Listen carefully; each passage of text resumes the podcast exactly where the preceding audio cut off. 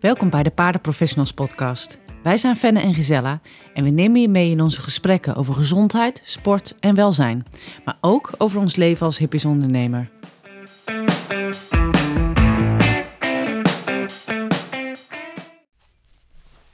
Ja, Fenna, we hebben inmiddels al uh, een heel aantal onderwerpen besproken in deze podcast. Ja. Um, van um, nou ja, bijvoorbeeld opfok, maar ook uh, preventie. Huisvesting hebben we het over gehad. Welzijn, maar ook over uh, nou ja, de spagaat waar ondernemers soms in zitten. Hoe je zakelijk kunt zijn, al is dat nogal eens een keer een uitdaging, maar daar hebben we ook een podcast aan gewijd. Maar waar we het vandaag over gaan hebben, dat is eigenlijk een soort stokpaardje van ons, als ik het zo uh, mag noemen. Ja. Want we gaan het hebben over het management van een sportpaard. En daar valt een heleboel over te vertellen. Ik denk haast dat we misschien wel tijd tekort gaan komen in deze podcast. Maar we hebben genoeg onderwerpen om te bespreken als het gaat over dat management. Ja, want we zijn hier echt een soort van mee gestart. Hè? Waar, hier hebben we ons uh, elkaar heel erg in gevonden. Dus het past heel erg bij onze missie. Van, om het management van het sportpaard eigenlijk te verbeteren. Uh, en en uh, het er samen met elkaar over te hebben van hoe kunnen we dat dan verbeteren? Of wat zijn manieren om het te verbeteren? Waar is nog kennis nodig? Uh, dus dat is inderdaad heel interessant. Ja, nou, en ik denk, dat hebben we ook al wel eerder genoemd. Um, er gaat al wel heel veel goed. Ja. Heel veel mensen zijn heel serieus bezig met de paarden, met het welzijn, met de paarden zo goed mogelijk gezond te houden, te zorgen dat ze goed in hun vel zitten. En toch uh, blijft het belangrijk en ook wel heel erg leuk en interessant om te kijken van hoe kunnen we dat steeds nog een beetje beter doen. En uh, nou ja, daar gaan we eigenlijk over uh, filosoferen in, in deze podcast. Ja, want als we het nou hebben over het management, dan denk ik van nou, wat is het doel van het management van het paard? Dat betekent dus dat je je paard zo fit mogelijk maakt en houdt. Ja. En je paard eigenlijk uh, klaarmaakt voor het werk wat hij moet doen. De sport die hij uit moet voeren. Want dat is natuurlijk voor een recreatiepaard weer anders dan voor een sportpaard. We hebben het nu echt over sportpaarden. Ja. Um, dus dat, dat fit to compete, wat natuurlijk binnen de FVI uh, heel belangrijk is, daar gaan we het eigenlijk over hebben. Wat heeft dat paard allemaal nodig om in staat te zijn die prestatie aan te kunnen, die, die training aan te kunnen die we van hem vragen? Ja, en dan denk ik dat het heel interessant is om eerst eens te kijken van wat is überhaupt fit to compete. Want ja. um, als je kijkt naar internationale wedstrijden, dan is er natuurlijk altijd een vetcheck. Dan moeten de paarden even heen en weer stappen en draven. Um, wordt er gekeken of ze niet kreupel zijn. Ja. Maar ik denk dat fit to compete veel meer dan dat is. Zeker. En fitheid is niet alleen dat ze met de staart erop door de bak lopen. Uh, fitheid is juist eigenlijk dat ze ook goed in hun vel zitten. En goed in hun vel zitten is niet alleen dat ze in staat zijn om zich aan te spannen, in te spannen, maar ook dat ze weer kunnen ontspannen. Dat ze zich mentaal uh, en fysiek, of andersom, fysiek en mentaal goed voelen. Dat is wat mij betreft fit to compete. En dat gaat veel verder dan alleen de benen. Dat is ook uh, de spieren, de wervelkolom, maar dus ook wat er in het hoofd omgaat. En dat paarden ook weer in staat zijn om uiteindelijk te kunnen ontspannen en herstellen. Ja, precies dat wat bij FAI-wedstrijden inderdaad wordt vooral gekeken naar... oké, okay, uh, zijn ze inderdaad niet kreupel? Ja. Um, ze worden even in stap en draf bekeken uh, aan de hand. Um, denk ik ook wel eens van ja, er is inderdaad veel meer. Maar goed, het is al goed hè, dat ze dat, die vetcheck doen. Absoluut, ik, ik, ik, ja. ik, ben daar een enorme voorstander van. Maar wat, wat zijn dingen die jij in jouw werk als fysiotherapeut tegenkomt? Um, nou ja, dat is heel divers. Uh, uiteraard richt ik me met name op het uh, bewegingsapparaat.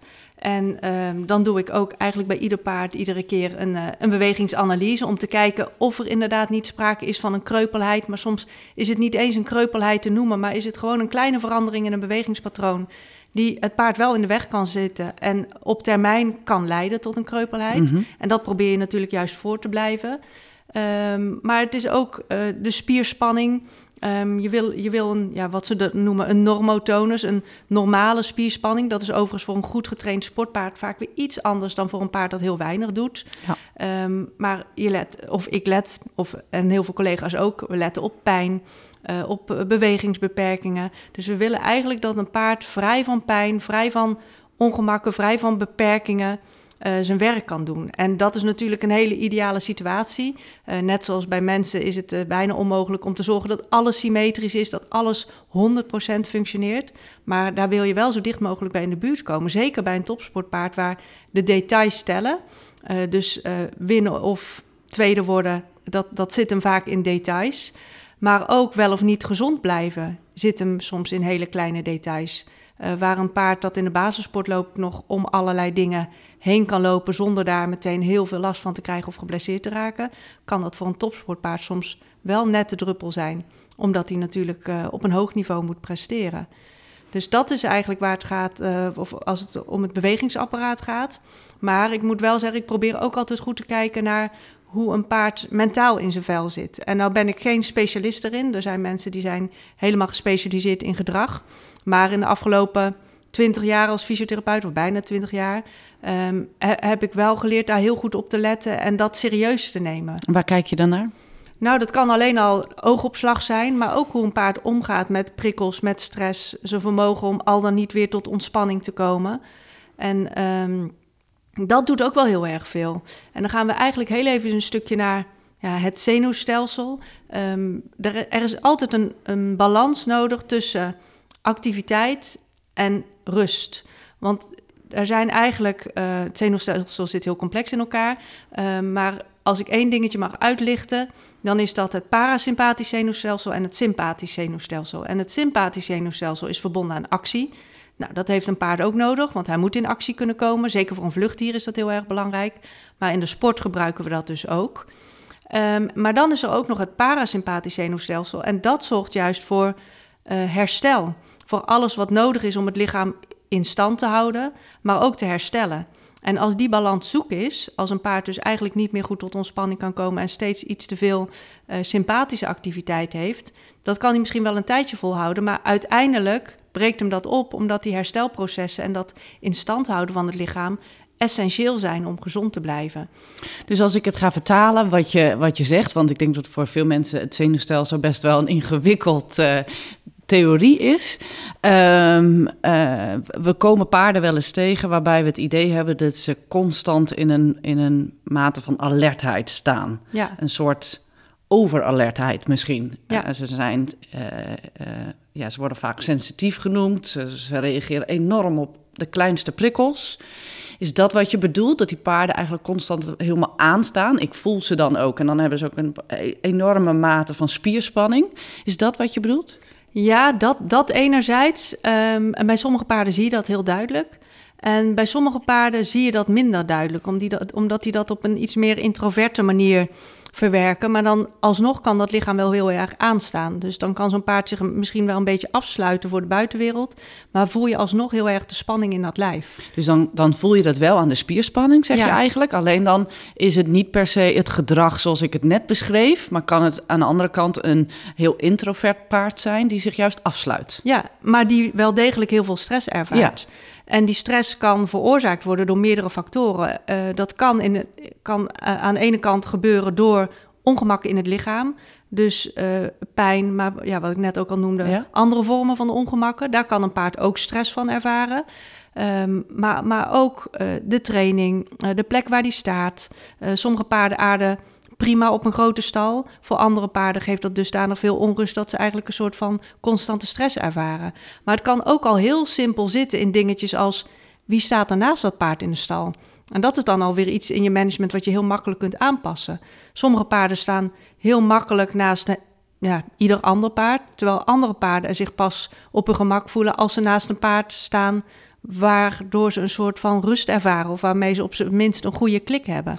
Nou, ik denk dat, dat je dat ook wel goed zegt. Dat het natuurlijk heel persoonlijk voor het paard is. Um, wat, wat het beste management is. Er zijn natuurlijk een soort wel basisregels die we kunnen zeggen binnen het management van een sportpaard. Maar ook dat je dus heel erg naar je paard zelf moet kijken. Ik vind zelf dat dat uh, mentale stuk heel interessant omdat we zijn heel veel met het fysieke bezig. Ja. Er wordt uh, vaak gezegd van oké, okay, paarden worden, uh, uh, zijn, zijn scherp, zijn druk. En dan toch even naar mijn ervaring binnen de revalidatie ook, of paarden die ik hier binnenkrijg. eh, heb ik toch wel de ervaring dat keer op keer als een paard zich fysiek beter gaat voelen, en dan hebben we het dus toch over pijntjes of ongemakken, dat het gedrag dus ook verandert. Dat gedrag wordt dus, ze worden rustiger, ze worden ja. benaderbaarder, ze worden ehm, opener. Ja. En dat heeft inderdaad ook, je noemde net een, een drukke stal. Nou, bij ons is het dan heel rustig, omdat we alleen maar op revalidatie gericht zijn. En je ziet dat paarden daar inderdaad ook heel goed in settelen. Ja. Maar dan denk ik ook, ik, ik, ik ga altijd wel heel snel terug naar... is daar niet iets in het lijf waar die last van heeft... en hem daar dus in die mate van spanning brengt? Ja. Dat vind ik een heel interessant stukje. En ik denk, een stuk binnen het management van het sportpaard... waar nog niet heel veel uh, over gepraat wordt, misschien. Ja, ik, de, ik, denk dat we dat alleen al terugzien in, in trainingen. Op het moment dat een paard iets niet doet of verzet toont... of nou ja, moeilijk of lastig doet, zoals mensen dat vaak zien... En dan wordt er nog niet altijd direct gedacht of gekeken naar... heeft hij misschien ergens last van? Um, Terwijl fysieke ongemakken kunnen inderdaad ook leiden tot ander gedrag. En dat kan ander gedrag zijn op stal, maar ook in de training. Maar dat gedrag op stal, dus buiten de training, is misschien wel een stap voor het staken of het minder goed uitvoeren van oefeningen tijdens de training. Ja, zeker. En, en, en is het niet daarvoor, dan is het ook zeker iets wat je kunt opmerken als dat al aan de gang is. Of zelfs als het wat langer duurt. Maar je gaat die verandering, denk ik, um, in ieder aspect van hoe een paard zich uh, gedraagt of voelt terugzien. Dus dat is inderdaad niet alleen in de training, maar ook hoe die zich op stal gedraagt, hoe die zich gedraagt de andere als je 23 uur zeggen ze dan. Hè? Ja, precies. Want jij hebt hier inderdaad het revalidatiecentrum. Um, als we het dan hebben over management, je noemde het net al, um, bij ieder paard individueel um, heb je denk ik een ander uitgekiend management, terwijl je aan de andere kant ook een soort van gemeenschappelijke ja. uh, punten zult doorlopen om uiteindelijk te zorgen dat een paard goed kan herstellen. Hoe ziet dat voor jou eruit, het management nou ja, van een paard? Er is, als we kijken naar het revalidatiecentrum, dan krijgen we natuurlijk heel veel verschillende paarden binnen. Ja. Het zijn allemaal vol, ja, bijna allemaal volwassen paarden die al een ja, heel leven achter zich hebben, zeg maar. En dus ook een heleboel ervaringen hebben en op een bepaalde manier gemanaged zijn. Ja. Wij moeten daar rekening mee houden. Um, dus het, het ene paard vraagt een net andere aanpak dan het andere paard. We zien wel dat alle paarden zich heel, heel goed gedijen op die rust en die structuur. Um, maar die paarden hebben een rugzakje van ervaringen bij zich. Dus wij kunnen wel zeggen van, nou, we doen het gewoon zus of we doen het gewoon zo. Maar als wij zien dat een paard, nou, je had het net over van waar staat het paard? Is een paard in een bepaalde stal te onrustig? Dan gaan we kijken, oké, waar, waar zou die dan beter staan? Um, uh, of een paard in de paddock, de paddock-indeling, waar, waar staat die fijn? Het, wij moeten dus rekening houden met dat wat het paard allemaal al heeft meegemaakt. Terwijl je, als je het echt over hele jonge paarden hebt, die kan je nog helemaal een soort van alles nieuw leren. Ja. Dus dat vind ik dus in dat management, zoals bij ons uh, in de revalidatie, maar dat is elke keer heel erg kijken naar het paard. En dan zie je wel dat dat paard in uh, de tijd natuurlijk wel zich uh, kan aanpassen. Dus we zien de paarden vaak wel veranderen in de maanden. Ze zijn hier vaak wel een paar maanden. Dus je ziet die paarden wel veranderen. Maar het belangrijkste vind ik is dat je dus... Ik koppel heel erg dat fysieke aan dat mentale. En dat vind ik zo'n belangrijk onderdeel van het management van een, van een sportpaard. Um, en dan heb ik het, dan denk ik ook meteen aan planning. He, ja. Ik weet dat wij het daar ook wel eens over hebben gehad, wedstrijdplanning. Um, maar ook uh, rustperiodes. Uh, ik kom zelf dan uit de trainingssport, maar ik weet dat er ook nog andere disciplines zijn waarbij ze echt een winterstop hebben ja. uh, qua wedstrijden. Nou, toen ik uh, um, internationaal reed, had ik daadwerkelijk mijn paard gewoon tussen november en, en februari, zeg maar drie maanden, had hij gewoon echt rust. Deed hij gewoon lekker de hele dag in de wei lopen. Mm -hmm. Daar genoot hij van. Ik genoot ervan om hem zo te zien. En dan gingen we eigenlijk in februari, eind februari, gingen we weer, hadden we twee maanden de tijd om weer op te bouwen naar de wedstrijden. Dat was toen mijn manier. Hoe kijk jij daar tegenaan? Qua, qua even vanuit jouw kennis op uh, anatomie, biomechanica en alles. Is dat dan ideaal? Of... Nou, het heeft voor- en, en nadelen. Ehm, de voordelen zijn denk ik zeker wat jij al benoemde. Zo'n paard kan lekker genieten in de wei. Ook echt mentaal eventjes uh, afstand nemen van, van zijn werk, zeg maar. Um, echt tot rust komen. Daarbij is het zo dat eventuele pijntjes of dingetjes die toch in het werk misschien een klein beetje beschadigd zijn, kunnen in zo'n periode uh, meestal wel goed herstellen. Het ligt er natuurlijk aan wat er eventueel een beetje beschadigd is. Maar voor heel veel kleinigheidjes geldt dat als zo'n paard zich gewoon uh, redelijk uh, rustig gedraagt in de wei, dat zo'n periode heel goed geschikt is om te zorgen voor een stukje herstel. Dus dat zijn de voordelen. Eventuele nadelen zijn dat als een paard helemaal niet getraind wordt, dat een heel stuk spierkracht en conditie wel verloren gaan. En het allerbelangrijkste is dat daarna weer ruim de tijd genomen wordt om dat weer op te bouwen. En er zijn natuurlijk ook wel, um, er is ook wel een middenweg in te bewandelen. dat je zegt van, ja. um, ik geef het paard wel vrij, dus we gaan niet echt serieus trainen. We gaan zeker niet naar wedstrijden, maar ik laat hem af en toe wat licht werken.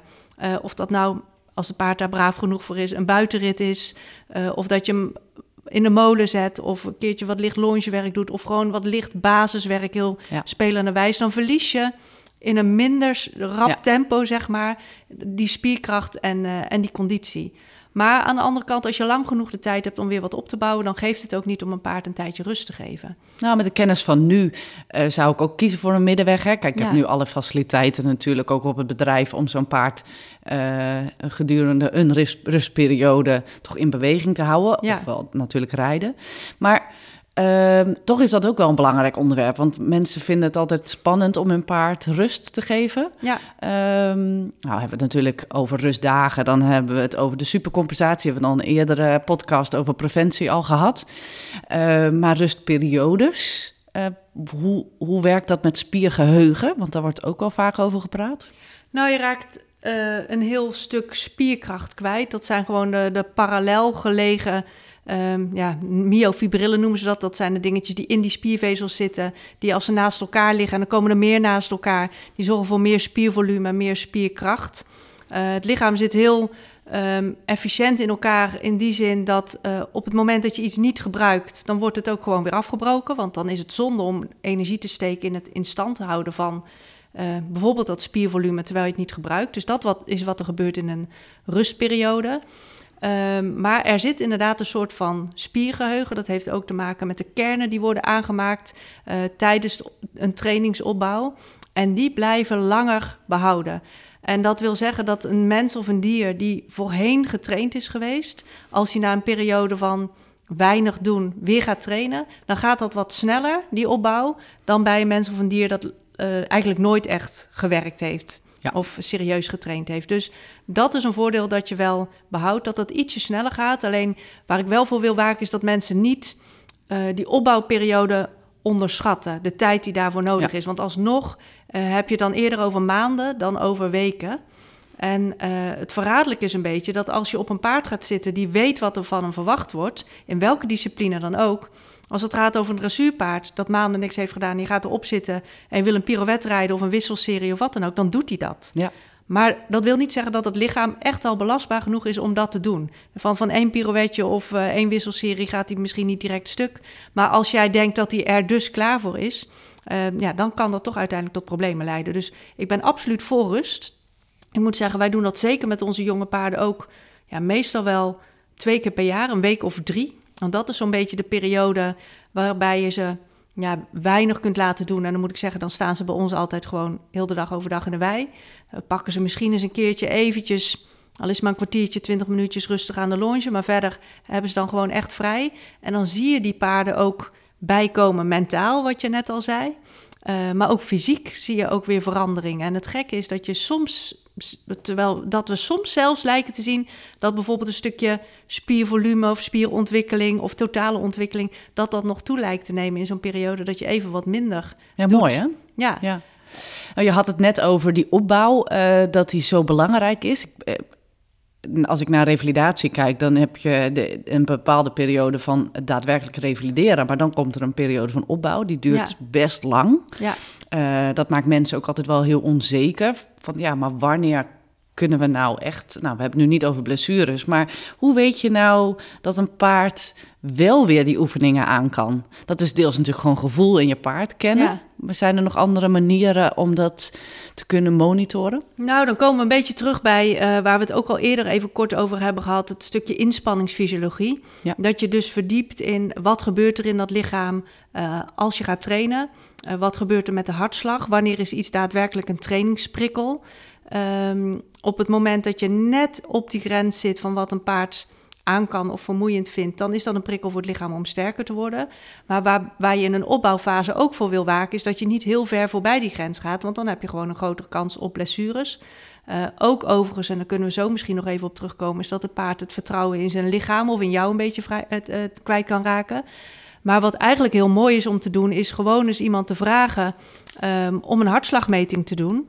En dan te kijken van, is dat wat ik voor, van het paard vraag op dit moment vermoeiend voor hem?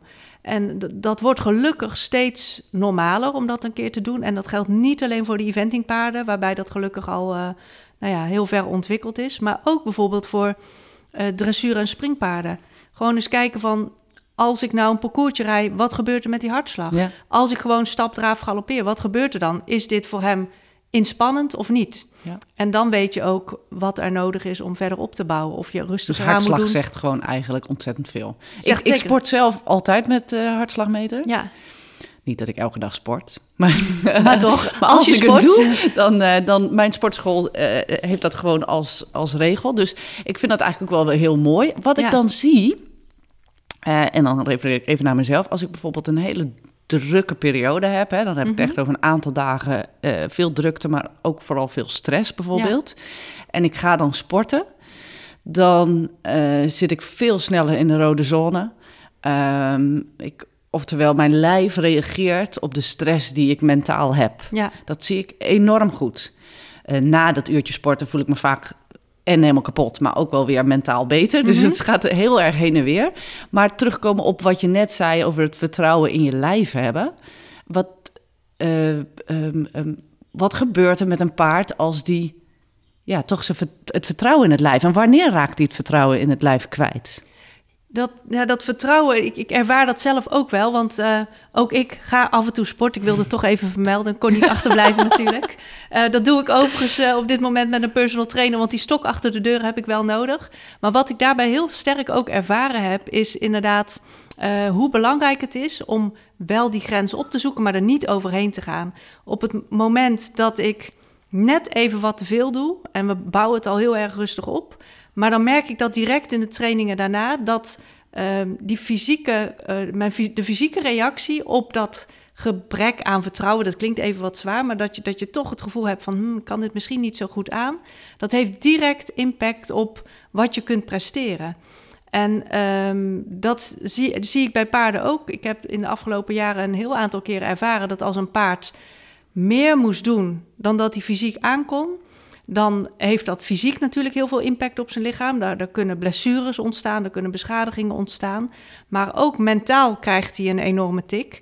En soms is dat zelfs zo, zeker als dat langere tijd duurt of dat vertrouwen is in één keer enorm geschaad, dat dat voor zijn verdere toekomst als sportpaard enorm in de weg kan staan of zelfs ehm, ervoor kan zorgen dat het paard nooit meer op niveau zal presteren.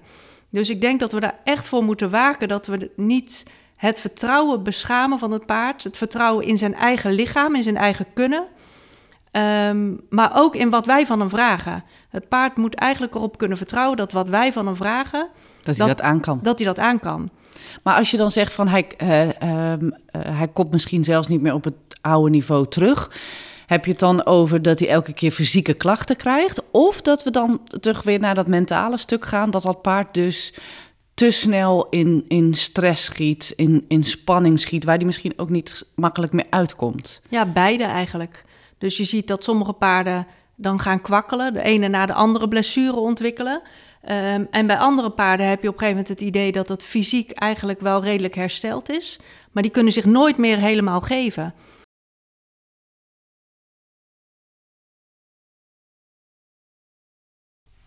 En dat kan gebeuren op het moment dat een paard bijvoorbeeld op een niveau moet springen dat eigenlijk een tandje te hoog is. Ehm, of als een paard bijvoorbeeld met enorme pijn in zijn rug toch prestaties moet leveren. En dat verschilt wel van paard tot paard. Het ene paard kan dat makkelijker een soort van vergeten en de volgende keer weer proberen. Uh, terwijl voor een ander paard misschien één keer al genoeg is. Of dat hij na een aantal keer echt het vertrouwen kwijtraakt en niet meer uh, zich zo durft te geven of in te spannen. Dus het heeft fysiek en mentaal enorm veel invloed op het moment dat je niet um, de fysieke en mentale grenzen van een paard respecteert. En dat wil niet zeggen dat die grenzen altijd vast liggen. Die kunnen ook opschuiven in de loop der tijd, maar wel stap voor stap. En dat is denk ik in het hele management gewoon heel erg belangrijk om daar heel veel oog voor te hebben. Ja, en als je zelf het oog niet hebt, want wij, wij komen allebei wel de paarden tegen die bijvoorbeeld erg gevoelig zijn uh, op hun rug. Ja. En, en dat kan in verschillende maten zijn. Het kan een beetje zijn en het kan ook in dusdanige mate zijn dat we het echt hebben over pijnlijkheid. Ja. En dat, dat als je over die rugspier heen gaat, dat het paard eigenlijk gewoon wegzakt. Ja. Wij vinden dan allebei, ja, dat, dat moet eerst opgelost worden voordat je weer een paard gaat rijden, bijvoorbeeld. Um, ik kan me voorstellen dat het niet elke ruiter uh, de kennis al heeft uh, op dat gebied. Um, ik hoop wel dat elke ruiter zich daarin gaat verdiepen.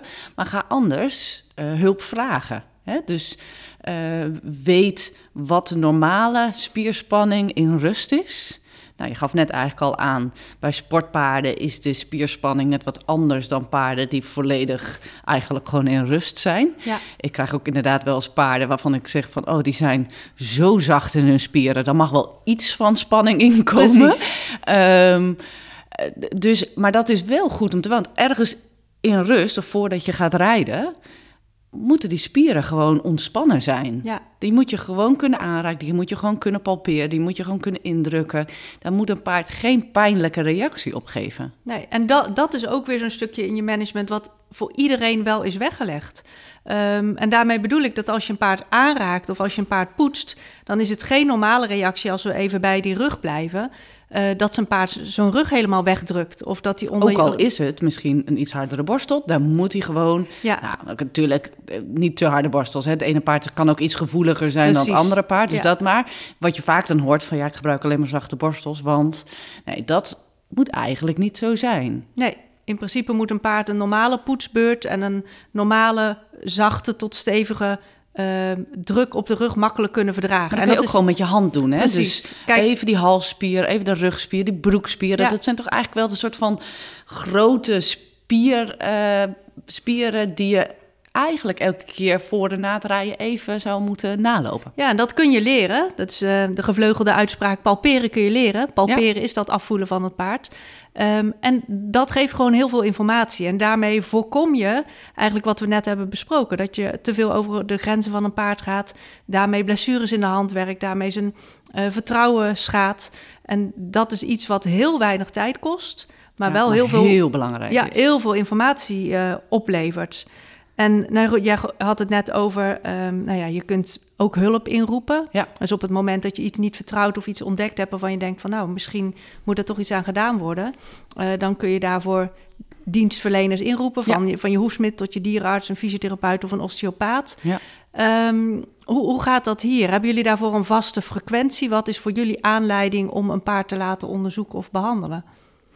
Nou ja, naast revalidatie bieden we nu ook preventieve trajecten aan. Ja, Dus net zoals jij zien we de paarden ook graag preventief. ja, Dat betekent dat we eigenlijk de combinaties gaan begeleiden in het management van het paard. En, en uh, uh, gaan we dus, in principe is dat gebaseerd op één keer per maand. ja, Maar ik neem de ruiter daar wel in mee, dat ik zeg, oké, okay, blijf dit navoelen, doe die oefeningen. Uh, ik, en dan zeg ik soms ook wel heel hard, ja, die, die spierspanning moet eerst weg zijn. Het kan niet zo zijn dat een paard in rust deze spierspanning en pijnlijkheid heeft. nee. Het moet wel enige mate van spierspanning Ja, ja, maar zijn, maar gewoon een normale Nee, nee. spierspanning zonder pijnlijkheid. Ja, nou dat is goed dat je het zegt, hè, want anders dan eh, eh, zit iedereen nu denken van, oh, mijn paard heeft een klein beetje spierspanning. Nee, en dat kan natuurlijk ook wel eens na een, na een training, na een zware training, hebben wij de volgende dag ook spierpijn. Dat is helemaal niet erg, maar het is wel heel goed om, eh, ik vind het heel leuk om combinaties dus daarin te helpen. Nou, jij Ja. ook, hè, om preventief daar eigenlijk bij betrokken te zijn. Ja. Maar we hebben de ruiter daarbij nodig, want die ziet het paard elke dag. Ja, En we hebben het nu echt over sportpaarden. Die paarden die moeten presteren.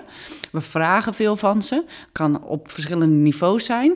Maar het moet, het lijf moet moet klaar zijn om die prestatie te geven, om die Ja. training aan te kunnen.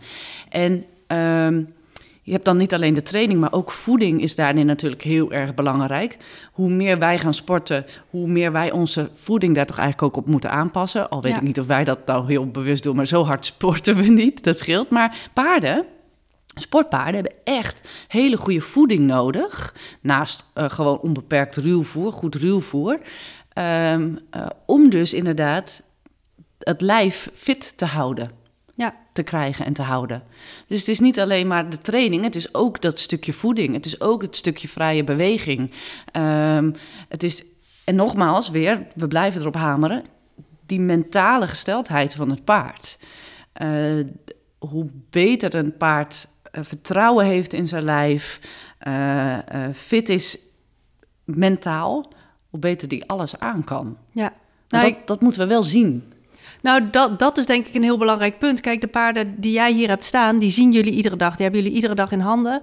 Ehm, dus jullie houden heel erg vinger aan de pols. Ieder verschilletje Ja. eh, wat er, wat er eh, ontstaat op, op benen, rug, eh, mentale toestand. Je ziet dat gelijk, je kunt gelijk actie ondernemen.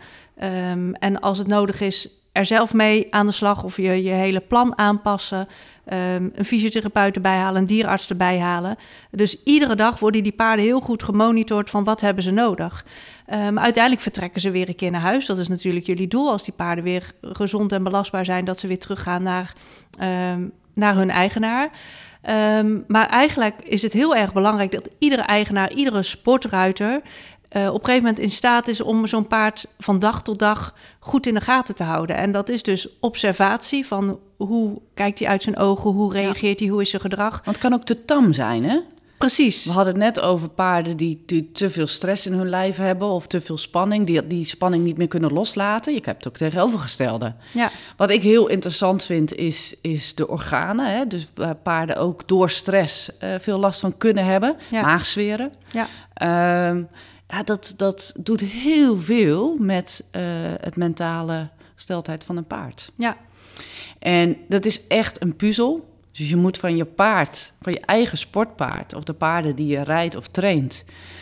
moet je eigenlijk je gaan verdiepen van wat voor paard is het? Wat zijn de zwakke plekken? Zijn paarden bijvoorbeeld maagzweergevoelig? Ehm, hoe is hun normale spierspanning? Eh, hoe voelen ze na zware training of hoe voelen ze na een wedstrijd? Ehm, zijn ze misschien wat, wat tammer na een wedstrijd van een aantal dagen? Hoe komen ze van het transport af? Hebben ze een extra dag nodig eh, om, om eigenlijk tot rust te komen na transport? Elk paard komt daar ook weer anders van af. ja, Hoe gaan ze om met hitte? Nou, toevallig is het vandaag 30 graden. Het ene paard kan daar beter tegen als het andere paard. Ehm, pas je voeding daar ook weer op aan, pas je beweging daarop aan. Er zijn zoveel dingen die meespelen. Eh, eh, zorg dat je een goed team hebt. Hè? Daar hebben we al vaker over gezegd. Je kan Ja. het niet allemaal alleen. Ehm, eh, bespreek wat met de dierenarts. Bespreek het met je fysio. Ook een osteopaat kan een enorme bijdrage leveren. Hoefsmid. Ehm, dat alle verschillende therapeuten bij elkaar kunnen helpen om eigenlijk jouw paard dusdanig goed te kennen. Dat je eigenlijk weet, oké, ik moet nu pas op de plaats doen. Ik moet eventjes wat rustiger aandoen. Of hè, mijn paard is fit, we kunnen dit aan. ja, Of hij kan het aan, hij of zij. Ik zag bijvoorbeeld vroeger bij mijn paard, eh, toen ik in, in die paar jaar dat ik op, op zijn hoogste niveau reed, ehm, een groot verschil tussen het begin van het seizoen en het einde van het seizoen. En wat was dat verschil? Ja, qua fitheid. Dus Mhm. daar waar die eh, in het begin van het seizoen veel makkelijker een week een wedstrijd aankon en dan eigenlijk gewoon weer helemaal fit thuis kwam, merkte ik dat het later in het seizoen minder werd. Hij kreeg wat sneller last van mok. Ehm, het, was, het is een heel introverte hengst. Hengsten zijn vaak al heel introvert. Of nee, niet introvert, maar ik bedoel meer gevoelig op hun lijf bijvoorbeeld. Hè? Eh, dus ik vind de huid eh, heel belangrijk. Dat is natuurlijk bij ons mensen ook. De huid zegt heel veel. Ehm, onze haren zeggen heel veel. Ehm, dus ik zag dat vooral misschien bij hem. Eh, dus hij kreeg last van uh, huiduitslag, hij kreeg last van mok, waardoor hij dan weer wat dikkere benen kreeg. Dat kreeg je ook alleen maar op wedstrijden. Ja. Ehm, ja, en dan moet je wel gaan kijken, ja, dit zijn signalen van het lijf. Dat zegt iets over zijn weerstand en dus ook wel over zijn belastbaarheid en wat Precies dat seizoen dat, met hem ja. doet. Nou, ja, dat zeg je goed. Het zegt wat over zijn weerstand. En, en ik denk dat de stress van ofwel transport, ofwel van de training, ofwel dat, dat, dat was op een gegeven moment op een bepaald niveau, waardoor er dus ja, fysieke klachten kwamen. En dat was in zijn geval geen blessures, maar wel huidproblemen. Ja. Uh, dus hoe zit mijn paard in zijn vacht? Uh, wordt hij doffer in zijn vacht? Uh, blijft hij wat langer in bijvoorbeeld de wintervacht hangen? Nou, hè, of verhaart hij mooi? Um, uh, bultjes, huiduitslag, mok zegt ook wel heel veel, vind ik. Hè, sommige paarden hebben een chronisch probleem met mok, maar zeker als jouw paard daar in principe nooit last van heeft, dan is dat ook wel een belangrijk signaal. Ja. Dus om eigenlijk de, de, de, de podcast denk ik een beetje af te ronden, misschien samen te vatten. Want we hebben als doel om een podcast te maken tussen de 30 en 40 minuten. Al kunnen we hier gerust nog een uur over verder praten. Um, wat, wat, hoe zou je het samenvatten? Wat zijn de, de belangrijkste dingen die we mee willen geven aan de, de sportruiters? Nou, ik denk dat je een soort van uh, in de eerste plaats een soort van standaardplan mag hebben voor ieder, uh, voor, je hele stal. Dat je zegt van nou, ik vind het uh, normaal als ik bepaald bepaalde inspanningen, bepaalde prestaties van mijn paarden vraag, dat er regelmatige checks zijn door dierenarts, uh, dat je op tijd de hoefsmid laat komen, niet pas als de ijzers eronder beginnen te rammelen, um, dat je preventief ook fysiotherapeut of osteopaat laat komen. Ik ben echt van mening dat het ja, het klinkt misschien even nu wat recht toe recht aan, maar dat het niet meer van deze tijd is om te wachten totdat een paard een keer een probleem ontwikkelt en dan pas iemand erbij te halen. Ieder paard dat je traint, vooral ook omdat ze vaak heel lang doorlopen met problemen en bewegingsbeperkingen. Uh, ieder paard dat je traint verdient het om preventief nagekeken te worden, zodat er problemen voorkomen kunnen worden. Dat pijntjes waar ze mee lopen die je misschien nog niet gemerkt hebt, dat die opgelost kunnen worden. Dus ik vind dat ieder paard uh, dat in het management van ieder sportpaard hoort dat je zo'n team om je heen verzamelt. En niet pas aan de bel trekt als het te laat is, maar dat er gewoon preventieve checks zijn. Maar ik vind ook dat iedere sportruiter eigenlijk zelf in staat moet zijn om een paard heel goed te observeren. Uh, dus zowel qua gedrag uh, als een stukje bewegingsanalyse misschien. Laat hem maar af en toe eens een keer door iemand opdraven. Kijk er zelf even naar. Wat is normaal? Uh, wat lijkt te, te veranderen? laat hem een keer aan de hand op een cirkeltje, op een harde cirkel lopen... om te kijken van, is dat nog in orde? Uh, want soms vallen ze toch in één keer door de mand... en heb je dat in het rijden nog helemaal niet gevoeld. Um, leer je paard af te voelen. Leer reacties bij het poetsen serieus te nemen. Uh, maar ook het afvoelen van de benen. Dat zijn allemaal relatief kleine dingetjes um, in je dagelijks management die heel veel verschil kunnen maken. Dus ik vind dat je eigenlijk je paard verplicht bent om je te ontwikkelen. Dus ook al ben je als ruiter nog zo goed, als je nog meer leert over het paardenlichaam, nou, je zei het net al, het is vandaag een hele warme dag. Leer hoe zo'n lichaam reageert op warmte, hoe je moet koelen, uh, al dat soort zaken. Dus blijf je ontwikkelen als ruiter. Ja. Uh, daar help je je paard bij uh, mee. En, en wat soms ook wel heel erg belangrijk is om je te realiseren: van, heb je een lange of een korte termijn visie? Want als je een lange termijn visie hebt, zul je er soms voor kiezen om bepaalde wedstrijden te laten schieten, omdat een paard gewoon net niet helemaal in goede doen is. Uh, dan kies je er niet voor als hij een beetje onregelmatig is, om hem nog even snel in te laten spuiten en toch die wedstrijd te, te rijden. Um, maar om te zeggen van nou, we gaan, het, we gaan hem zo behandelen en zo managen dat hij de tijd heeft om te herstellen, maar uiteindelijk dan op lange termijn wel gezond kan blijven. En ik denk, als je het ethisch bekijkt, dat dat, de, dat dat hetgeen is waar we eigenlijk altijd voor zullen moeten kiezen. Al snap ik ook dat je in de sport niet bij iedere kleinigheid hem thuis wil houden. Maar dat zijn wel afwegingen die je moet maken. Van wat wil ik uiteindelijk met zo'n paard en ja, waar doe ik dan uiteindelijk goed aan? Dus um, ja, het, het, is een goed plan maken. Wat ik daarbij ook nog even wil vermelden, is dat het heel goed kan zijn om dingen uh, bij te gaan houden. Ja. Um, ja, jullie hebben daar ook een systeem voor. Ja, um, ja dat is meer dat we, dat we de schema's maken hè, van ja. wanneer uh, krijgt hij welke activiteit. Ja. Jij doelt denk ik een beetje ook op een logboek. Ja. Um, dat, dat geef ik ook heel vaak als tip mee. Zeker als mensen zeggen van ja, uh, er is wat, maar ik weet niet precies wat. Ga bijhouden. Um, uh, wat zijn de omstandigheden? Hè? Hoe is het weer? Uh, uh, wat voor moment op de dag was het? Uh, tot wat heb je die dag gedaan in je training? Ehm, maar neem daar inderdaad bij het, het navoelen van je paard ook. Zodat je een beetje gaat zien van wat, wat gebeurt er eigenlijk met mijn paard. Ja. Um, ja, ontzettend belangrijk om inzicht te krijgen in hoe kan ik het management nog verbeteren. Ja, dan ga je patronen ontdekken van hé, hey, onder die omstandigheden, of als ik zoveel train en als ik dan de hoeksmid laat komen en dan de fysio, dan doet hij het goed. Maar als ik het anders doe, dan zie je keer op keer eigenlijk dat hij dan net niet helemaal goed functioneert. En dat is eventjes wat werk, maar als je dat bij gaat houden, inclusief bijvoorbeeld de dagelijkse temperaturen van je paard, ja. dan geeft dat heel veel waardevolle informatie. Dus dat kan ook nog iets zijn om dat management te optimaliseren. En um, ja, wat ik eigenlijk ook mensen die luisteren mee wil geven, is ook al gaat het goed, het kan altijd nog beter. En hoe, hoe fijn en hoe leuk is het om echt het beste uit je paard te halen en te zorgen dat ze zich helemaal fijn en goed voelen. En voor jou misschien nog mooiere prestaties neer gaan zetten in de ring. Uh, dat is wat je eruit kunt halen. En dat zien we in de humane sport natuurlijk ook. Alle details stellen. Ja. Dus verdiep je ook in die details. Maak een plan zit overal bovenop. En uh, ja, laat het niet te veel maar. Uh, nou, des te langer kan je er ook van genieten, hè? Precies, ja. Des te langer kan je blijven presteren met je paard. Ja. ik denk een mooie, mooie samenvatting. En uh, ja, ik heb zo'n gevoel dat hier nog wel een uh, deel 2 op komt. of deel 3. Maar een... deel 3. Ja. Maar uh, ja, heel interessant. En ik zou zeggen, tot de volgende podcast. Tot de volgende keer. Bedankt voor het luisteren naar onze podcast. Je kan ons volgen op Instagram en Facebook onder Fenna en Gisella. Je kan ook natuurlijk onze bedrijven volgen. Lelemare Horses en Bartels Horse Health Instituut. Tot de volgende keer.